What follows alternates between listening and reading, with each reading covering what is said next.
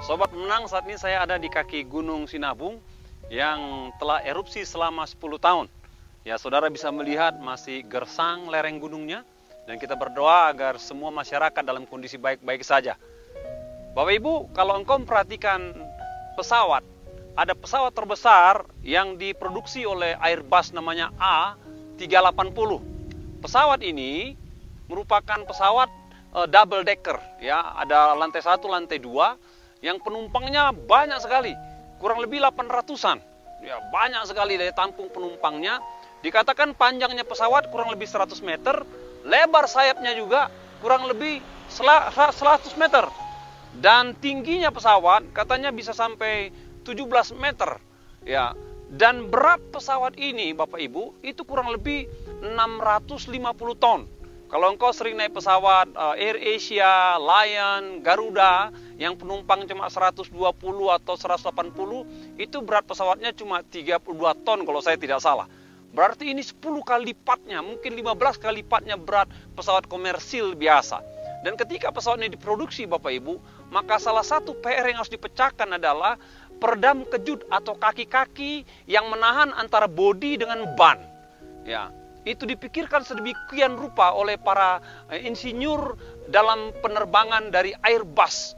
Dan ketika pesawat ini di trial, dicoba, ya, maka saat yang dinanti-nantikan itu mulai ditunggu-tunggu. Dan ketika pesawat itu take off Bapak Ibu, ketika uji coba dan ketika dia akan uh, melandas landing dan diperhatikan baik-baik, dihitung baik-baik dan ternyata kaki-kaki peredam kejut atau shock breaker yang kita kenal pada umumnya di kendaraan, di kendaraan itu bisa menahan beban 650 ton sehingga pesawat itu bisa mendarat dengan baik.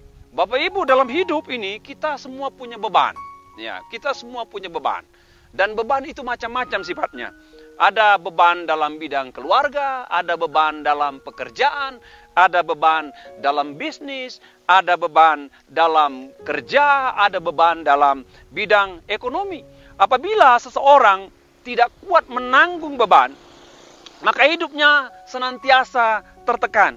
Ketika katanya, ketika jabatan seseorang semakin tinggi, biasanya bebannya semakin berat, ya.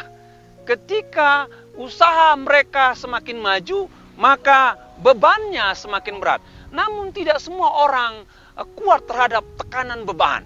Kalau orang tidak kuat dalam menghadapi tekanan beban, itu bisa berpengaruh kepada mentalnya. Bahkan tidak sedikit teman-teman saya yang berpengaruh pada kesehatannya. Sebulan sekali mereka pergi ke rumah sakit, ya konsultasi kepada dokter karena begitu padatnya, beratnya pekerjaan.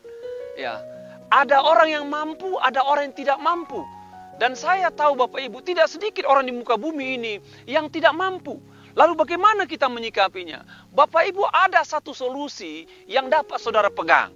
Dalam Mazmur 54 ayat 4 dikatakan, Sesungguhnya Allah adalah penolongku, Tuhanlah yang menopang aku.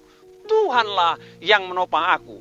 Bagi Bapak Ibu Saudara yang sudah tiba pada titik di mana engkau tidak berdaya lagi. Bebanmu begitu berat sementara hidup harus berjalan.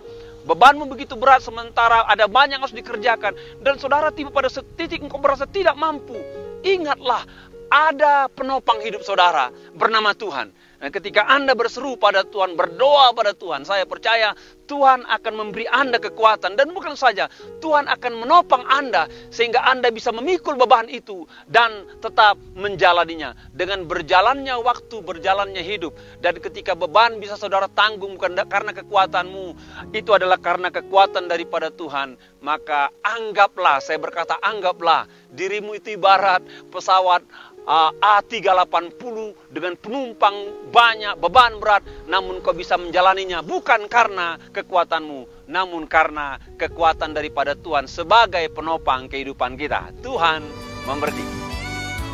Terima kasih untuk Pastor Gordon Simaremare untuk renungannya hari ini. Nantikanlah renungan berikutnya. Tuhan Yesus memberkati.